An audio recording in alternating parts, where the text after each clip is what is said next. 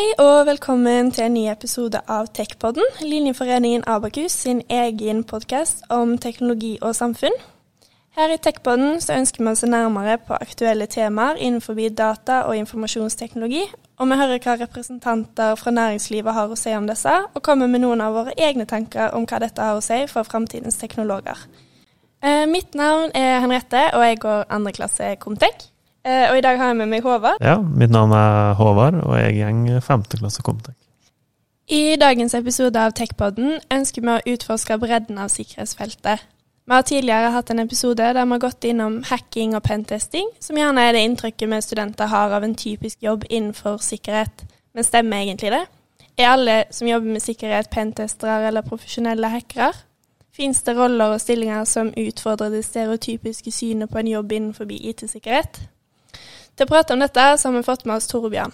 Han jobber i GRC-avdelingen til Nemonic og er med oss i dag for å snakke om bl.a. sikkerhetsledelse, og hvor store og ulike mulighetene er for studenter som ønsker å jobbe med IT-sikkerhet. Velkommen skal dere være til en ny episode av Techpodden.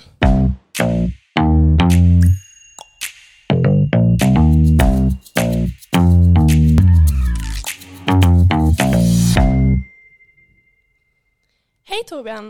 Har du lyst til å introdusere deg sjøl? Ja, det kan jeg gjerne gjøre. Jeg heter Torbjørn Ørland Amundsen, og jeg jobber i et selskap som heter Nemonic. Vi er kanskje en, ja, vi er vel Norges største selskap innenfor informasjonssikkerhet. De, og jobber med de aller fleste områdene innenfor sikkerhet. Sjøl er jeg en gammel komtekker. Jeg var i det første kullet som ble starta etter å ha tilbrakt eh, et lite år på universitetet og ikke visste hva jeg helt ville gjøre, så fant jeg ut at der, det hørtes gøy ut. Så jeg starta der og fullførte. Jeg hadde et lite pauseår. Jeg tok spesialiseringen informasjonssikkerhet. Og i likhet med veldig mange andre studenter, når jeg da gikk ut i arbeidslivet, så begynte jeg å jobbe noe helt annet. Så jeg hoppa inn i oljebransjen, eh, og der ble jeg ganske, ganske lenge. Eh, og jobba litt med IT, og litt med på en måte, forretningsområdet på i Aker Solutions. Eh, og så tok jeg meg litt fri. Og så endte jeg opp i konsulentbransjen, og da endte jeg ganske kjapt opp i Nemonic. fordi veldig mange av de som har gått data og Comtec, som gikk i klassen min, da, de var jo der, så jeg kjente til selskapet veldig godt. Og på det tidspunktet hadde jeg veldig lyst til å bli litt, få litt mer fordypning i informasjonssikkerhet. Fordi jeg innså, selv om jeg hadde utdannelse i det, så er det et ganske krevende fag å holde seg oppdatert i. Så hvis du vil jobbe med det, så er det viktig å være være på det stedet der det skjer, og med de folka som har den riktige kompetansen. Da. Så, så valgte jeg å starte i GRC-avdelingen. GRC står for Governance, Risk and Compliance. Det er et sånt navn som fordi veldig mange ikke sier så voldsomt mye. da. Eh, og det betyr veldig mye forskjellig, eh, og inkludert det vi skal snakke om i dag, da, sikkerhetsledelse. Ja, jeg skjønner. Har du lyst til å utdype litt i starten hva du definerer som sikkerhetsledelse? Stort sett når vi omtaler det, så er det jo informasjonssikkerhet. Da. Så Det er det første avgrensningen vi gjør. Du kan i teorien snakke om både fysisk sikkerhet. Da, da har du liksom gjerder, eh, alarmer, eh, låser, eh, videomonitorering av områder og sånn. Vi jobber veldig lite med det, så vi jobber først og fremst med informasjonssikringen. Eh, altså sikring av elektroniske data. Men i utgangspunktet så kan en tenke på sikkerhetsstyring eller sikkerhetsledelse som de aktivitetene du må gjøre for å ha kontroll på informasjonssikkerheten, ikke bare i seg selv, men òg hvordan det griper inn i absolutt alle deler av en bedrift. Eh, fordi informasjonssikkerhet er jo ikke noe du gjør for moro skyld. Du gjør det fordi du har noen verdier å beskytte. Eh, og Da må du ha kontroll på det. Og det må jo på en måte tildeles en rolle. og Den rollen er jo ofte det som omtales som SISO. Så SISO er jo den som på en måte er sjefen og da er og sjefen for eh, sikkerhetsledelse.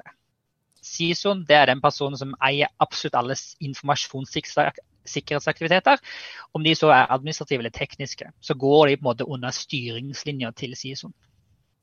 Men uh, du sier at den CISO uh, eier det her. Er jo CISOen ansvarlig for uh, all informasjonssikkerhet i bedriften, eller hvem er det som eier dette ansvaret?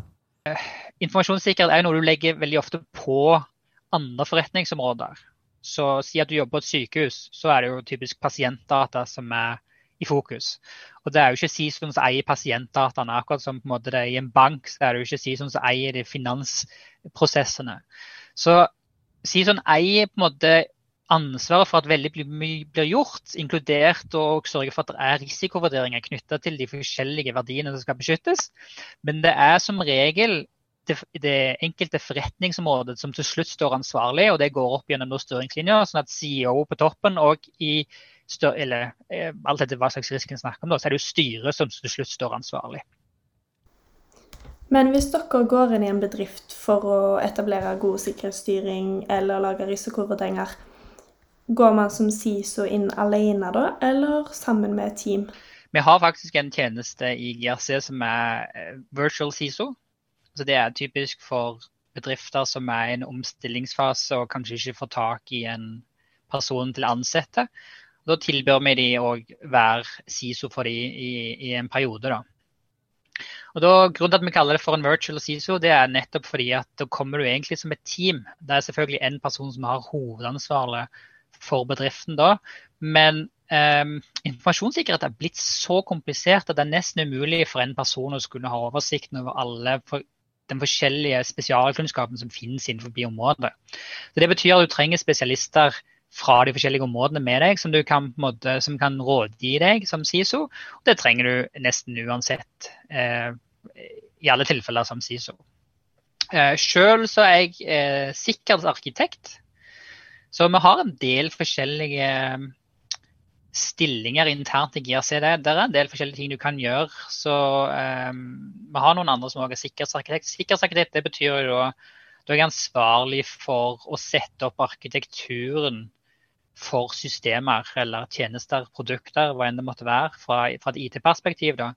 Slik at den kommer ut på en måte som man er sikra. Så I praksis kan du si at det jeg gjør at jeg sørger for at de riktige sikkerhetskontrollene er på plass i arkitekturen. Hva er det du snakker med når du skal innføre en sikkerhetsarkitektur? Preker du med utviklerne, ledelsen? Hva er det du jobber sammen med for å forme, bygge denne sikkerhetsarkitekturen? Da foregår det i, eh, si, det foregår i faser. Da. Så I utgangspunktet så har du en, en rolle som kan kalles forskjellige ting hos forskjellige bedrifter. Men i utgangspunktet så har du en produkt- eller tjenesteeier. Du har noen som sitter med et forretningsbehov som, som skal oppfylles. Eh, og De vet jo da kravene fra forretningssiden, og de jobber veldig ofte sammen med noe som du kaller for en virksomhetsarkitekt. Og Virksomhetsarkitekten de, de, har det overordnede ansvaret for IT-arkitekturen. Så du kan si at jeg er på en måte et, et, eh, en, en, hjelp til virksomhetsarkitekturen og fokuserer egentlig bare på sikkerhet. Uh, så det er de jeg jobber i, i starten så jobber jeg mest med produkteier og virksomhetsarkitekt, eller IT-arkitekten, for å være sikker på at vi skjønner hva er det vi skal nå til slutt. da. Det, altså, det er liksom, du kan ikke bare begynne å bygge ting. eller Dessverre så skjer det veldig ofte i IT-verdenen. Det er derfor store, store prosjekter går på trynet. Så det vi sørger for at vi er sikre på at alle som er involvert, skjønner hva de skal ha. Og så er det jo òg ofte sånn da, nettopp fordi at du har styringssystemer. Eh, og et styringssystem på det øverste nivået består av det som kalles for policyer. Og policyer er retningslinjer eller krav da, som stilles. Så et, et krav kan f.eks. være at eh, Ta logging, da. Eh, så hvis du lager et kundesystem, så må du være sikker på at systemet logger alle transaksjoner. F.eks. hvis du er en bank. Eller hvis du på en måte jobber på et sykehus, at systemet logger hvem som er inne og ser på dataene dine. For det er jo personlige data. Helse, helsedata om deg sjøl er, er, svært sensitivt. Eh, og Da er det krav som kommer inn, og da må en sørge for som, som, arkitekt at de kravene er faktisk implementert. Så du kan si at Først så starter en der med å snakke med eh, eieren og ikke-arkitekten. Og når du da skal begynne å bygge systemet, så snakker du med utviklerne. Så da setter du ned. fordi når du kommer ned til det nivået der, så er det jo sånn ja, vi kan gjøre sånn som dette, men vi kan ikke gjøre akkurat på denne måten. Så da er spørsmålet hvordan tviker du på løsningen til å få det sånn at du fremdeles får den funksjonaliteten du ønsker, men samtidig bevarer kontrollen. Og der er det da eh, det er risikovurderinger som faktisk er motoren der òg. Du må forstå helheten av systemet. Det er derfor sikkerhetsarkitekt er veldig ofte du, en rolle du tar på deg etter du har en del års erfaring. Fordi det krever en, en, en ganske stor oversikt over totaliteten. Fordi Sikkerhet er det som dere sikkert har hørt, altså det er jo en, en, kjede, og den er bare så svak som det svakeste leddet i kjeden. Så hvis du lager ett svakt punkt, så kommer hackeren, og så har du et problem. Jeg har lyst til å forklare litt hvordan dere jobber når dere utvikler en risikovurdering? Ja. Eh, risikostyring er jo et eget fagfelt. Eh, det betyr jo at f.eks. du har egne ISO-standarder på det. I, I, verden så er det ISO-standard noe som heter COSO, som er de to store rammeverkene. og De aller fleste følger en variasjon av de to. Så når en kommer ut i arbeidslivet og hvis en jobber med risikostyring, så kommer en kjapt borti de. Og Det er ikke noe hokus pokus. I utgangspunktet så handler det om å vurdere ting som kan skje. Altså I motsetning til ting som har skjedd, selv om det er en del forvirring rundt dette. Men for å ta et eksempel, da. Hvis huset ditt brenner, da har du et problem. Så på engelsk kaller vi det for en issue. Eh, og Da må du jo selvfølgelig slokke huset. Men hvis du vil vite om hva er sannsynligheten for at huset ditt kan begynne å brenne, så snakker du om risiko. Altså det er noe som kan skje. Og så er det det som ofte er sånn problematisk når en er ny til det, er liksom hvor trekker du grensen? For det er mye som kan skje. Eh, for å ta det eksempelet som jeg bruker i mine workshoper, det er jo der eh, du kan bli truffet av meteor, men er det vits i å bruke tiden på? Mm. Eh, og Det samme gjelder jo informasjonssikkerhet. Du kan bli hacka, men det, du må liksom komme ned til et nivå som er fornuftig det går an å snakke om. Um, og I utgangspunktet for å ta dere gjennom den prosessen som vi bruker oftest, i hvert fall i, i Mnemonic, som du vil finne igjen andre steder, da, så er det egentlig kan si det er fem steg. Det første steget kalles å etablere kontekst. Eh, etablere kontekst er jo på en måte å være sikker på at alle som er involvert, er med, og at alle snakker om den samme tingen. Så I utgangspunktet så handler det jo om at eh, du har jo veldig mange forskjellige roller som kanskje sier at vi skal lage et produkt. Det produktet er å selge noe online. Da vet du at du har forretningseier, eh, du har eh, arkitektene, du har utviklerne, du har kanskje noen som skal faktisk selge, drive med telefonsalg eller formidle noe. Eller de som skal bruke det. Alle disse rollene her ser jo verden på hver sin forskjellige måte. Da. Eh, og For at du skal drive risikostyring på en effektiv måte, så må vi prøve å få alle til å se det på samme måte. Så Derfor så kaller vi etablere kontekst. og Det er å ta alle inn i en workshop og så begynner vi bare å se på hvilke områder kan det komme risiko ifra. Så la oss ta den enkleste risikoen av alle. Da. Det er jo folk er ressurser. Altså folk blir syke eller du har ikke nok folk til å gjøre det du skal. Det kommer jo fra ressurspoolen din. Altså er den tilgjengelig nok. Eh, budsjett, penger, kanskje tid. Eh, og så er det lover og regler. Eh, dere har kanskje hørt om GDPR, som på en måte er et EU-regelverk som setter strenge krav hvis en skal behandle personopplysninger. Eh, hvis du jobber innenfor finans, så har du IKT-forskriften. Eh, når du jobber med pasientdata, så heter det vel pasientforskriften, faktisk. E-journal. altså Der finnes masse lover Så alt dette må alle som skal jobbe med, må være, ha samme forståelse av, eller iallfall noenlunde samme forståelse. Så det er å etablere kontekst. Når du har gjort det, så kan du begynne å identifisere risikoer. Eh, og Det betyr at alle som er med, må få lov til å si hva de tror kan skje som kan forårsake et problem. Og Det vil jo selvfølgelig være veldig veldig forskjellig for alt etter hvem du snakker med. Så Den som eier produktet, eh, de kan jo være opptatt av at produktet blir ferdig i tide. Så de vil påstå at en risk er at vi blir forsinka, og dermed så tjener vi ikke penger eller vi hadde lovt en kunde noe. Utviklerne de vil tenke, kanskje tenke på ja, men er det kvalitet? Eh, informasjonssikkerhetsarkitekten vil definitivt tenke på er det sikkert? Så alle de kommer med forskjellige typer ting. da. Uh, og da er det jo sånn at Risikostyring skal egentlig se på totaliteten. og så kan du si at Informasjonssikkerheten er bare en del av risikostyringen. Så Du tar ut de tingene, og så må de behandles av den personen i det teamet som er ansvarlig for informasjonssikkerhet.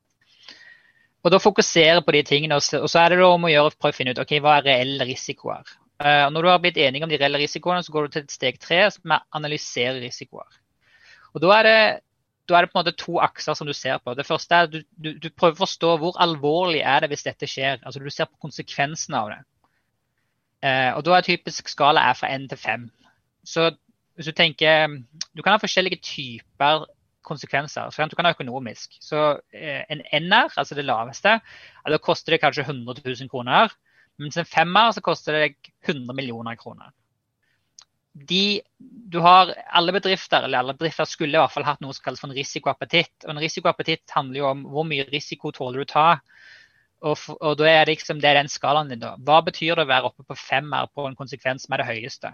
For noen bedrift, for en små bedrift så er det kanskje forferdelig å tape en million kroner, mens for en bank så kan de tape mange hundre millioner kroner. Og det kan gå bra. Den andre skalaen er jo sannsynlighet. Den går òg til 1 til 5, men det kan òg være halvverdier. Så f.eks. du kan omsette at N består altså Sannsynligheten er fra litt over 0 til 15 og så er neste steg fra 15 til 30 osv. Um, og det søyer opp jo større sannsynlighet du vil ha. da. Og det som er viktig å huske på oppi her, er at sånne vurderinger er alltid subjektive. Så de som skal jobbe med det, må ha en del erfaring med å prøve å finne ut av OK, men hva tror vi faktisk Hva er sannsynlig for at akkurat dette kan skje? da? Hva er sannsynlig for at en hus kan begynne å brenne?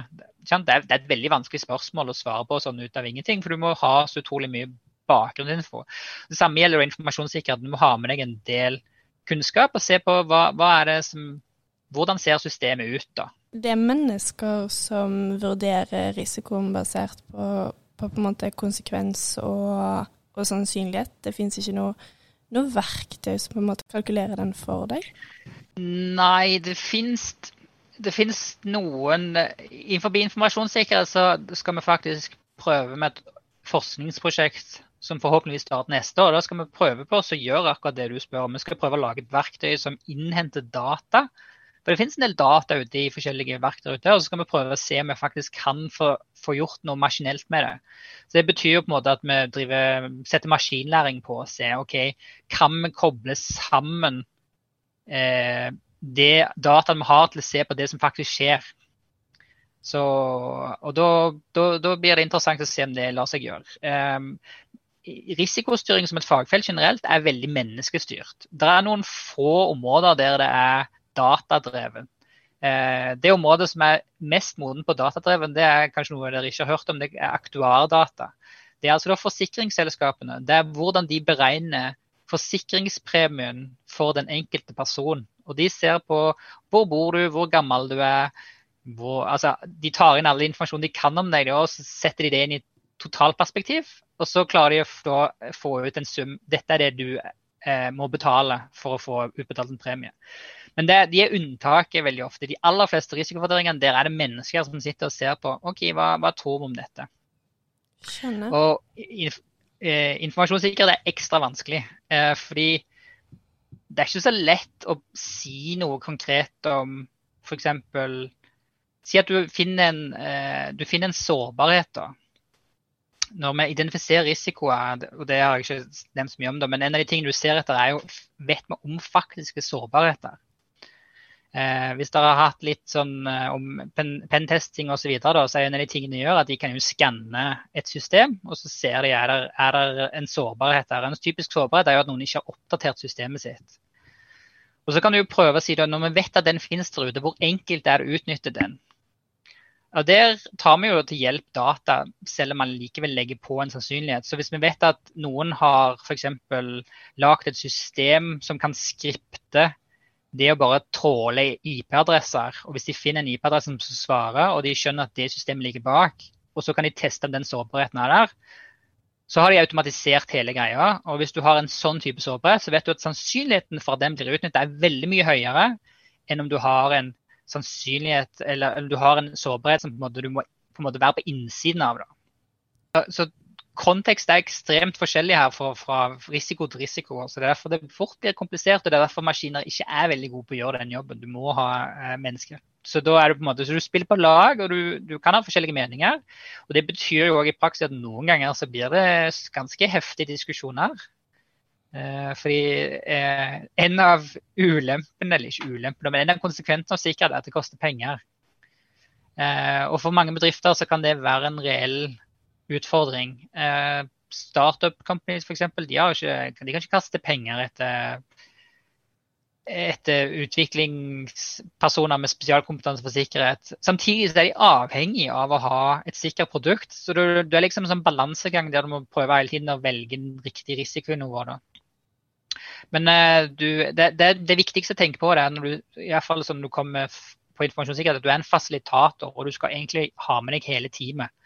Og så I beste fall så skal alle i det rommet være enige om den risikoen, både på sannsynlighet og konsekvens. Fordi Hvis en er enig om det, så blir det veldig mye lettere å få gjort noe med det. Fordi Neste steg etter du har eh, analysert en risiko, er jo eh, Eller hvis vi kutter litt nå, da, så er jo siste steget er jo på en måte å gjøre noe med risikoen hvis den er uakseptabel. Så hvis den er typisk eh, Hvis du lager sånn fargelys, altså grønt, gult, rødt Så hvis du har 1-1 nede i venstre hjørne er grønt, og 5-5 oppe i høyre hjørne er rødt, så er det jo liksom alt over midten da er kanskje uakseptabelt. Og Hvis alle er enige om at noe er på, på, på feil side av skalaen, da, at det er uakseptabel risiko, så er det mye lettere å få gjort noe med det. Så de store diskusjonene innenfor informasjonssikkerhet det kommer jo veldig ofte av at folk er uenige om risikoen. Den ene halvdelen de er risikoavers, de andre de er risikovillige. Da. Ja, Janne forklarer at risikoavers betyr? Risikoavers betyr at du eh, egentlig ikke vil ha risiko. Så du er konservativ, forsiktig. Det er veldig ofte sånn at ledelse de er villige til å ta risiko. Eh, det er derfor de er i ledelse. De er villige til å ta de der sjansene for å prøve å nå profitt. Mens de som jobber med, med, med compliance øh, og risikostyring generelt, de har ofte en tendens til å være risikoaverse. Så da har du på en måte kan si, det er to filosofier som fort krasjer mot hverandre da, i, i, seg sjøl. Hva, hva er det verdt? Er det optimalt å være 50-50 i ei gruppe som vurderer risiko? Det er et veldig godt spørsmål. jeg tror det avhenger veldig av hva du driver på med. Altså Det handler om hva er konsekvensen for å gjøre en feil. da? Så eh, hvis, vi tar, hvis, vi tar, på en måte, La oss ta, den, la oss ta en ytterkant av skalaen. da. Hvis du bygger SpaceX, mm. Hvis noe går galt der, hva skjer da? Jo, da dør mennesker garantert. Eh, du kan, til, du kan, ikke sende opp ting opp i rommet og ikke ha kontroll på en del ting, eller fly for den saks skyld. Eh, så, så, det handler litt om hva du lager, og hva, hva er de store konsekvensene av å gjøre feil. Det betyr jo at bransjen òg er nok altså, Bransjer i seg sjøl har veldig forskjellige risikoperspektiv. Har du lyst til å komme med noen eksempler på hva det er vanlig at dere finner? og hva på en måte sårbarhet som havner høyt på den, den lista deres? Um, vår avdeling, det, det, største problemet vi finner, det er jo mangel på risikovurderinger, faktisk. Uh, ironisk nok. Så um, du er en SISO, da, eller et styre for den saks skyld. Du er noen i en bedrift som skal ta en beslutning om å bruke penger på noe, eller ressurser. Nesten det samme, da. Eh, så handler det jo om forståelsen av risikoen som er involvert. Lønner det seg å bruke penger på dette, eller kan vi på en måte spare her? Og, og, og den beslutningen hviler stort sett på risikovurderingen. Og Risikovurderingen er òg med å gi forståelsen til egentlig alle i en hel bedrift på hva er det vi gjør, og hvor mye eller hvor lite risiko tar vi. Så Det største utfordringen vi ser generelt, og dette er jo da en dette er jo menneskelig feil, det kan ikke kalles noe annet, det er at bedrifter har ingen modenhet til å gjøre risikostyring. og Dermed så på en måte klarer de heller ikke helt skjønne eh, de sikkerhetsmessige aspektene med sin egen operasjon. Altså De, de vet bokstavelig talt ikke hvor mye risiko de tar. Um, så om de har servere som kjører med holdt på å si 2013 Windows på, eh, det kan de godt ha, for alt vi vet. Uh, problemet er at de ikke vet. Og vi, du kan si det sånn da at Eh, risikoer kan komme i tre farger veldig ofte. Det er det folk er vant til. Sant? Da er de rødt, grønt, gult. Vi har òg en kategori som vi kaller for sort. Og sort betyr bare at du aner ikke. Sort betyr bare at du vet at her er det noe det ikke burde vært, men du har ingen anelse. Så det er en black box, bokstavelig talt. Det kan være OK, det kan være helt katastrofalt. Og for mange bedrifter så er det det reelle problemet. De aner ikke de har ikke sett på sikkerhet, og kanskje så blir de tvunget til å gjøre det fordi det kommer et nytt lovverk. Eller det som er kanskje mest trendy nå, det er jo at du er en underleverandør til et større selskap. Eh, og så kommer det store selskapet og sier OK, hvis dere skal være leverandør for oss, så må dere oppfylle disse kravene på sikkerhet. Og så plutselig så må du begynne å fokusere på det. Og da dukker det opp veldig mye grums eh, til overflaten.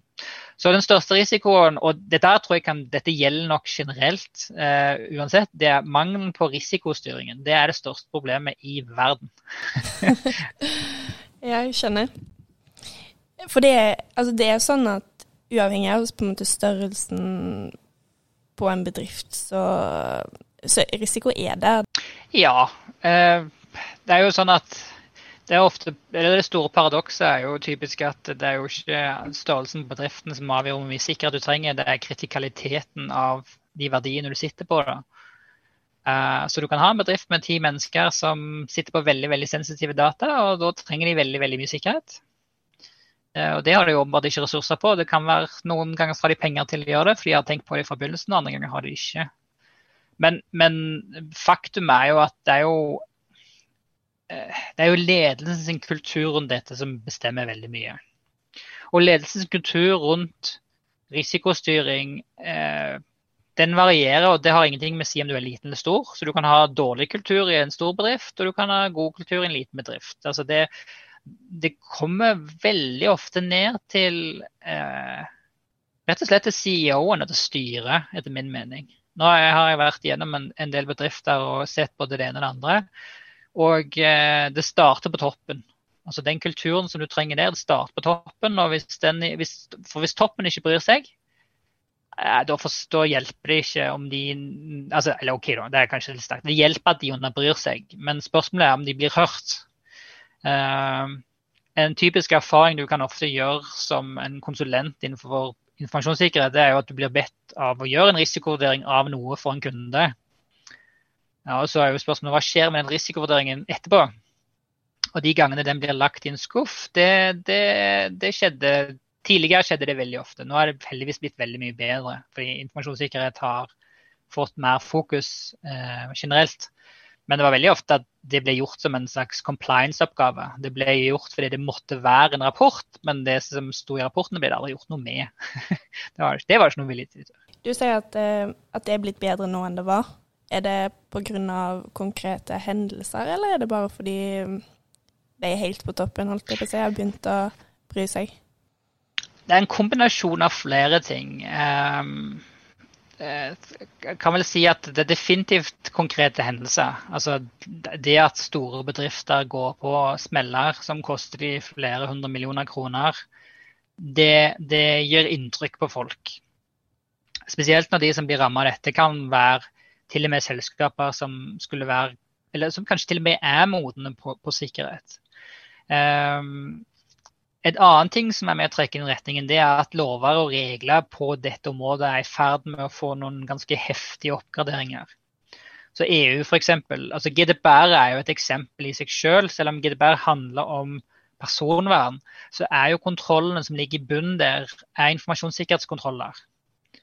Så det er veldig mange advokater og jurister som snakker om GDPR, men når det kommer til hva du faktisk må gjøre i IT-systemer, så er det informasjonssikkerhet som gjelder der. Så du snakker om begrepene privacy by design og security by design i den loven, så, så, er det informasjonssikkerhetskontroller som skal implementeres på riktig sted i systemer. Så Ergo så tvinges en del bedrifter til å gjøre dette. Og, det, og de får ganske heftige bøter, som dere kanskje vet. Jeg tror det er vel GDPR kan gi deg en bot på inntil 4% av omsetningen din i maksbot. Eh, som ja, Google de får jo milliarder i bot i det verste, eh, og har gjort det òg. Mm. Eh, og så tror jeg òg det faktum bare at vi er blitt mer vant til altså de, de, menneskene som sitter i ledelse, da, eh, de, kommer, de, har vokst opp under andre forutsetninger. Så det er en, en, bedre forståelse blant mennesker generelt for at informasjonssikkerhet er nødt til å være der. Så uh, forskjellen på 15 år tilbake igjen i tid er ganske stor bare i mentaliteten og ikke minst eh, forståelsen på altså den alderskurve som det alltid er. da, altså Du skyver det med deg, og ting blir mer og mer normalisert. da. Så de tre tingene i seg selv har endra ting ganske mye, vil jeg påstå. Er det på vei til å komme direktiv fra EU om folk, hvordan bedrifter skal arbeide med IT-systemer og stille krav til det, at de må ha sikkerhet i bunnen? Ja, det er flere Eller det finnes allerede Eh, Norge sjøl oppdaterte jo sikkerhetsloven her for ikke så lenge siden. Eh, og nå er det jo selvfølgelig ikke alle bedrifter i, i Norge som blir underlagt sikkerhetsloven. da. Men det kommer en del andre direktiv som etter hvert vil, vil konkretisere litt hva er det bedrifter trenger. da. Eh, men akkurat nå så vil jeg påstå at det er GDPR som driver den eh, bølgen framfor seg. da, fordi persondata er kanskje det viktigste som vi ser nå. og Det blir jo både brukt og misbrukt i alle slags mulige sammenhenger. fra økonomisk vinning hos kriminelle til statsmakter som kanskje vil drive med utpressing eller bare generelt finne ut. Så, så jeg vil si at eh, ja, det kommer en del, og det kommer mer fra EU òg. Men akkurat nå så er det, det er GDPR som, som har pusha mest. da. Og så er det òg det er òg en fare for å pushe for mye. Altså, det er ikke lett altså sånn som GDPR, altså, det er ikke lett for, for verken stor eller liten bedrift å skjønne nøyaktig hvordan du skal gjøre det. Så du er jo alltid en fare for at du introduserer litt sånn tretthetsbrudd i organisasjoner. da, eh, Hvis du på en måte kommer med for mye på en gang. Fordi du må, du må lære å krype før du kan gå, før du kan springe. Um, så det, det, det er tempoet her som òg må gjøres. Og for ikke å snakke om kanskje den største utfordringen i informasjonssikkerhet i dag, det er ikke nok folk. Ja. Uh, det er skrikende mangel på, på, kompetanse, og dess flere studenter som studerer, desto bedre. holdt jeg på å si. Uh, jeg tror tallet var i EU bare når GDPR kom, så regnet de med at det mangla mellom 50 og 60 000 mennesker for å implementere det. Du nevnte at eh, du kan møte um, motstand fra ledelse ved, å innføre eh, Om du legger fram forslag til tiltak for å mitigere en risiko. Sånn som eh, Nå fikk vi nylig tofaktorautentisering på, på Feide. Så hver gang du skal logge inn på Blackboard, f.eks., så må du fram mobilen og godkjenne den. Møter du, Hvordan jobber du med ledelse som gir motstand på sikkerhetstiltak som det? Eh, ja Nei, det For, for å si det sånn, det skjer. Uh, det er jo veldig forskjellig, da, men det eksempelet som du nevner, da, det å innføre tofaktorautentisering, det har jeg vært med på flere ganger. og Noen ganger så har bedriften sagt at ja, selvfølgelig skal vi gjøre det. Og så i andre tilfeller så har de bare sagt at nei, trenger vi nå egentlig det? Uh, og da er det typisk da er det jo det er jo penger det handler om. ikke sant? Altså Hvis vi kaller en spade for en spade. Det er kostnader knyttet til det å innføre det eh, som teller mest. Det neste er jo på en måte at det er noen mennesker som syns at det er bare heft. Altså De irriterer seg grønn over å måtte gjøre den der ekstra innloggingen og vil ikke ha det. De syns de ødelegger arbeidshverdagen deres. da. Så kan du diskutere hvor gode er de to argumentene. Da, da kommer du tilbake til hva er det du prøver å beskytte. Men hvis vi, tar, hvis vi lager noe fiktivt og sier at ok, du har noe som er verdt å beskytte, og i dagens eh, teknologisamfunn så er det vanskelig å ikke ha tofaktor-autentisering eller multifaktor. et annet slag. Hvis du allikevel da møter motstand, hva er det du må gjøre da? Jo, da må du faktisk gå ganske detaljert til verks i risikovurderingen din. For da er det risikovurderingen din som er argumentet. Altså, Risikovurdering handler jo egentlig bare om beslutnings veiledning, kan nesten kalle det for å bruke et annet ord. da. Risiko, risikostyring innenfor informasjonssikkerhet det handler om å gi de som faktisk tar beslutningene, datagrunnlag til å ta den riktige beslutningen. Og Sånn sett så er det nesten ingen andre områder enn risikostyring som er bedre til å forklare da, hva som skjer. Så Da kan du f.eks. si ok, hvis du ikke har multifaktoridentisering i bedriften, hvor stor sannsynlighet er det for at det kommer til å gå galt på et eller annet tidspunkt? Eh, og det vet vi, det er veldig stor sannsynlighet. Hvis du ikke har det, hvis du bare baserer deg på f.eks. bruken av passord, på et eller annet tidspunkt så går det galt. En eller annen ansatt bruker det samme passordet på Netflix som de bruker på jobb. det høres kanskje sprøtt ut, men, men, det er sånn det er. Og Så på en måte tar du det derifra og så gir du da konsekvensen. Så sier du OK, men da ser vi hvis en hacker får tilgang til det systemet der det systemet der, så kan vi jo på en måte gå videre og si fra ja, løpet av 15 til 10 minutter så kan de ha innført ransomware, og alle dataene i bedriften er låst ned, og dere må enten la de gå tapt eller betale masse penger for å få det tilbake igjen.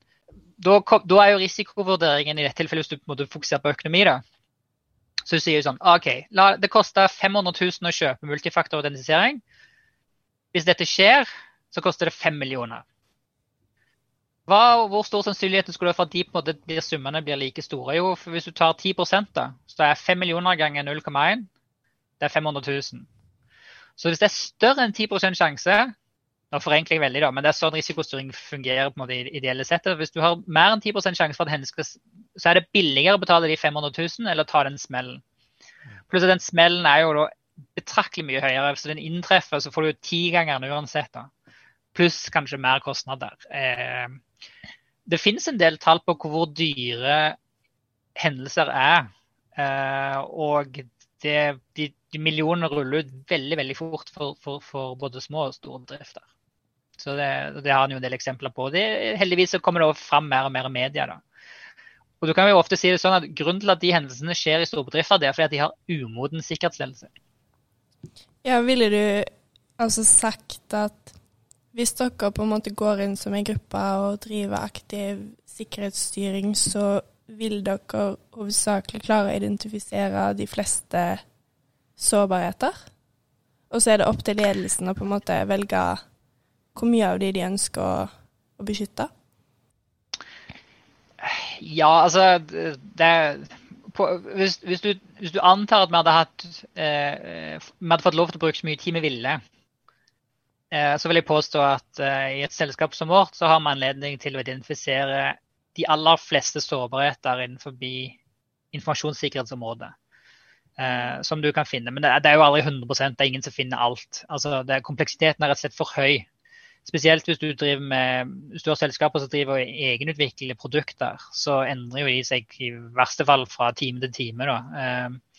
Og da kan folk introdusere nye ting, og så, er det, så du klarer aldri 100% men vi klarer stort sett å finne det meste. Og så er det òg sånn at det finnes en del rammeverk her. Eh, det finnes f.eks. noe som heter SIS Top 20. Og Det er bokstavelig talt en prioritert rekkefølge over sikkerhetskontroller som du bør ha implementert i en bedrift. Og for hver du klarer å implementere nedover, så på en måte minker sannsynligheten for at noen skal klare å hacke bedriften da, eller organisasjonen. Sånn at eh, ja, vi klarer å finne alt, men det er jo ikke alt nødvendigvis du trenger å gjøre noe med. Eh, men det, det, aller, det, aller, viktigste vi gjør først, hvis, vi skal på en måte, hvis oppdraget vårt er å se på sikkerhetsledelse, så, så, fokuserer vi jo egentlig ikke så mye på sårbarheter. Vi fokuserer mest på aktivitetene rundt det. Du kan si eh, Sikkerhetsledelse består av tre nivåer eh, i sånn formell sett. Du har policyer. altså stilles de riktige kravene. På nivå to så heter det prosesser. Og det er liksom, Hvordan jobber du med de forskjellige tingene, inkludert det å få kravene omsatt. Og På det nederste nivået så kan du si at du har det som for arbeidsinstruksjoner. Det er altså veldig detaljerte dokument som forteller den enkelte medarbeider innenfor et område hva skal de gjøre. Så det kan f.eks. Hvis du går ned til 90 gritty nivå, så er det hvordan eh, legger du til en ny bruker i Office 365. Eh, hvordan setter du på sikkerhetsinnstillinger? Mer på det nivået der, da. Mm. Så det, Hvis vi går inn for å se på sikkerhetsledelse, så går vi inn for å se på ok, hva er, hva er dokumentert. Hva har bedriften faktisk skrevet ned på papir? Eh, og Da er det veldig mange bedrifter som sier at vi har ikke skrevet ned så veldig mye, men vi gjør det riktige. Eh, og så er det jo litt sånn jaha, OK. Eh, generelt så er det stort sett et rødt flagg for vår del, da. Fordi at det er ikke sånn at fordi at det står på et papir, så betyr det at det gjøres. Um, I veldig mange tilfeller med sikkerhetsledelse så oppdager du det som vi kaller for papirhus. Og det betyr at en organisasjon de har på plass alle papirene. Så hvis du på en måte kommer på en revisjon, så kan du levere fra deg alle disse dokumentene. og Så ser det veldig fint ut. Men hvis du da går og spør om folk faktisk følger de, så viser det seg at nei, det gjør de kanskje ikke. Da kaller det for papirhus. Så hvis disse policene kun står på papir, så er det ikke sikkert at det blir videreført hvis det er utskiftning i, eh, blant ansatte eh, i bedriften? Tenker jeg? Nei. Eh, jeg pleier å være opptatt av hvis jeg, Si at jeg kommer på, til en ny organisasjon og, og, skal gjøre en evaluering av et eller annet slag, så er egentlig det første jeg prøver å legge merke til, det er kulturen. Eh, og kultur er jo et sånt vagt ord som kan bety veldig mye uh, for forskjellige. Da. Men for meg så handler det om hvordan tenker og handler den enkelte person i bedriften. Så fordi du kan si det sånn at det som står på et papir, det er jo på en måte der for at du skal, hvis det kommer nyansatte, og for at det skal på en måte være uomtvistelig at vi skal jobbe på denne måten. Men det handler jo om hvordan faktisk jobber du ekte, eh, på ekte. Og for meg da, så er det jo måten du tenker på som veldig ofte reflekterer om du faktisk tar sikkerhet på alvor.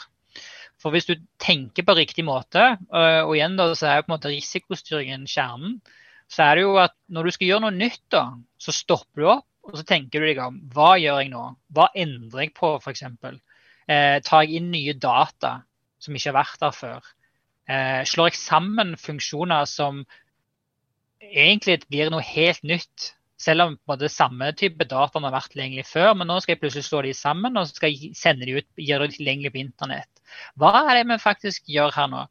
Eh, og der er jo, Hvis vi går tilbake inn til styringssystemer, hva er liksom toppnivået av styringssystemene? Eh, og Det er jo klassifisering, altså informasjonssikkerhetsklassifisering. Fordi Det første du må vite, nettopp for de som har snakket om før, det er jo du, må vite, du gjør ikke informasjonssikkerhet for moro skyld, så du beskytter ting som har en verdi. Så det første du må vite, er hvilke ting i bedriften er verdifulle. Eh, så en av tingene vi veldig ofte gjør i starten og hjelper selskap med, er å gjøre, eh, er å gjøre den klassifiseringsbiten. Så da lager du et rammeverk for det. Eh, den berømte modellen er jo confidentiality, integrity, availability, CIA der alle verdier i selskapet kan klassifiseres på et nummer. Eh, hvis du går på confidentiality, så er jo de fire klassiske kategoriene er jo public information, internal information, confidential information og strictly confidential information. Um, og det betyr da, i, i, i, et informasjonsstyringssystem så betyr det at ok, i utgangspunktet så må du vite hvilke sikkerhetskontroller må til for å dekke sikkerheten på det nivået. Så selvfølgelig, hvis informasjonen er public, altså tilgjengelig for hvem som helst, så trenger du i utgangspunktet veldig lite sikkerhetskontroller i forhold til konfidensialitet. Eh, men det kan være at du har høye krav på integritet. F.eks. hvis du gir informasjon som andre bruker til noe. Eh, eh, ta eksempel fra, finansverdenen. Si at du legger ut eh, kronekurser eller valutakurser generelt, da, så er det jo viktig at de er riktige. Men de er jo ikke hemmelige. Så hvis noen går inn og endrer på dem, så kan det være veldig dumt. Eh, fordi hvis folk trader med det, så får du et problem. Eh, tilgjengelighet kan jo òg være forskjellig. Eh, ta nå i disse koronatider. Altså alt som, All informasjonen som omhandler korona på hva skal du gjøre hvis du ender opp i sånn situasjon, det er jo ikke hemmelig, men det er viktig at det er tilgjengelig. Hvis f.eks. FHI sine sider går ned, så er det et kjempeproblem. Eller det samme med integritet. Hvis FHI sine sider blir endra på, hvis noen hacker de og begynner å skrive andre ting og sier at nei, du trenger ikke gå på karantenehotell når du kommer herifra og derifra, så, så, så, får vi problemer.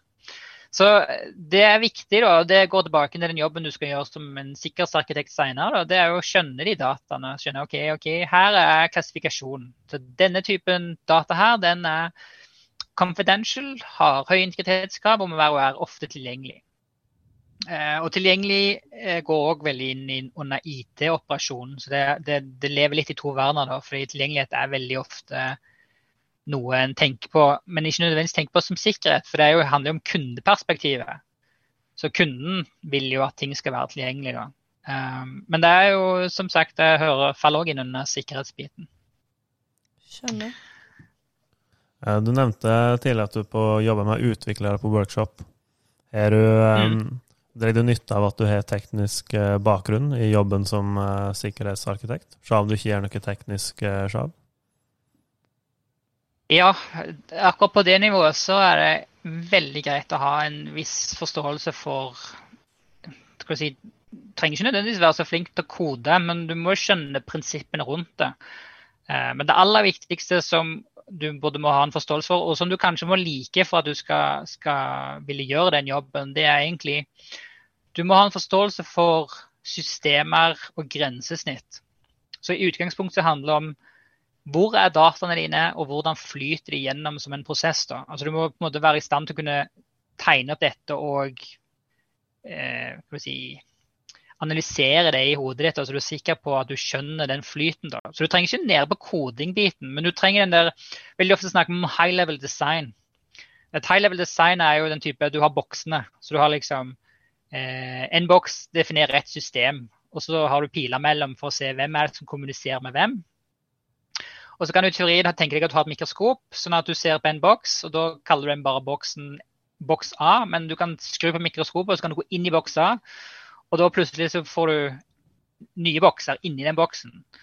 Uh, og kodene de er jo nede på det nitty-gritty nivået. Og hvis du har kode og for, har i fall forståelse for koden, så kan du være med og snakke med dem på en del av det nivået. Men generelt så er det ikke nødvendig. Men du har en fordel av det. Um, ser du som sikkerhetsarkitekt at uh, inntoget av skytjenester har gjort det mer komplisert og forstå hvordan hele systemet henger sammen, og det krever ny kompetanse å virkelig forstå skytjenester? Ja, jeg vil si det, det krever mer. Um, kan si at basicen er det samme.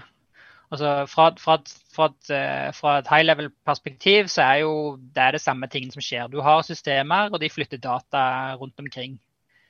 Men når du kommer ned til hvordan du løser en, en konkret problemstilling, og hvordan du innfører en konkret kontroll, så varierer jo det alltid til hva slags plattform du er på. Så det, Du kan jo f.eks. sertifisere deg på Asher og du kan sertifisere deg på Amazon. Og selv om prinsippene er det samme og du kan gjenkjenne det, så er jo måten det gjøres på veldig forskjellig. Uh, og cloud er nok på sett og vis prinsipielt forskjellig fra altså det som kalles for on-premise. Altså det at du hadde dine egne datasentre og kjørte dine egne servere. Så jo mer du skal ned i detaljene, da, Eh, så krever det spesialisert kunnskap og spesialisert teknisk kunnskap. Men som GRC-er så kan du jo du, du, klarer deg ganske greit uten den òg, altså. Fordi nettet fordi at uh, først og fremst så er du Du starter på topp. Det er mer et top down-fokus, det er ikke et bottom up-fokus, om man kan si det på den måten. da. Men det hjelper, deg, eh, det hjelper deg å ha den tekniske bakgrunnen alltid. Så det, som, jeg, som jeg pleier å si, jeg, det var et bevisst valg fra min side når jeg gikk Eh, på Comtec sjøl. Jeg tok de tyngste tekniske fagene da, fordi jeg antok jeg kom ikke til å fokusere på det senere. Eh, og det har eh, til en viss grad holdt seg, og det, det anbefaler jeg stort sett, selv om jeg skjønner at det er jo ikke alle som vil ned i de tyngste fagene.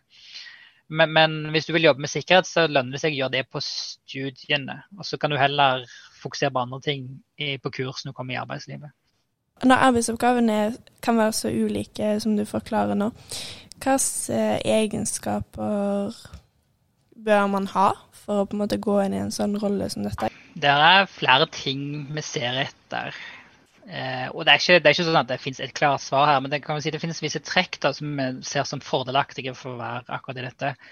Det viktigste er nok evnen til å kommunisere med andre mennesker. Eh, uansett nesten Uavhengig av hva slags type oppdrag du får innenfor, innenfor det området, så skal du snakke med mennesker. Enten skal du snakke med ledelse, eh, mellomledelse eller på en måte grasrota. Og du trenger å kommunisere klart og tydelig og få dem med på lag. Altså, for du ønsker jo på en måte å oppnå resultater. Så det krever, det krever en, en, skill i bare å omgås mennesker. da. Så det er, det er, veldig viktig. Og du må like det, tror jeg. Hvis du ikke liker å snakke med mennesker, så, så, er det vanskelig å gjøre den jobben. Den andre delen vil jeg si at du må være litt analytisk anlagt. Altså du må like å få litt sånne store, uoversiktlige ting som du bokstavelig talt skal rydde opp i. Uh, det er òg en fordel. Eh, ja, det høres jo veldig bra ut, uh, Torbjørn.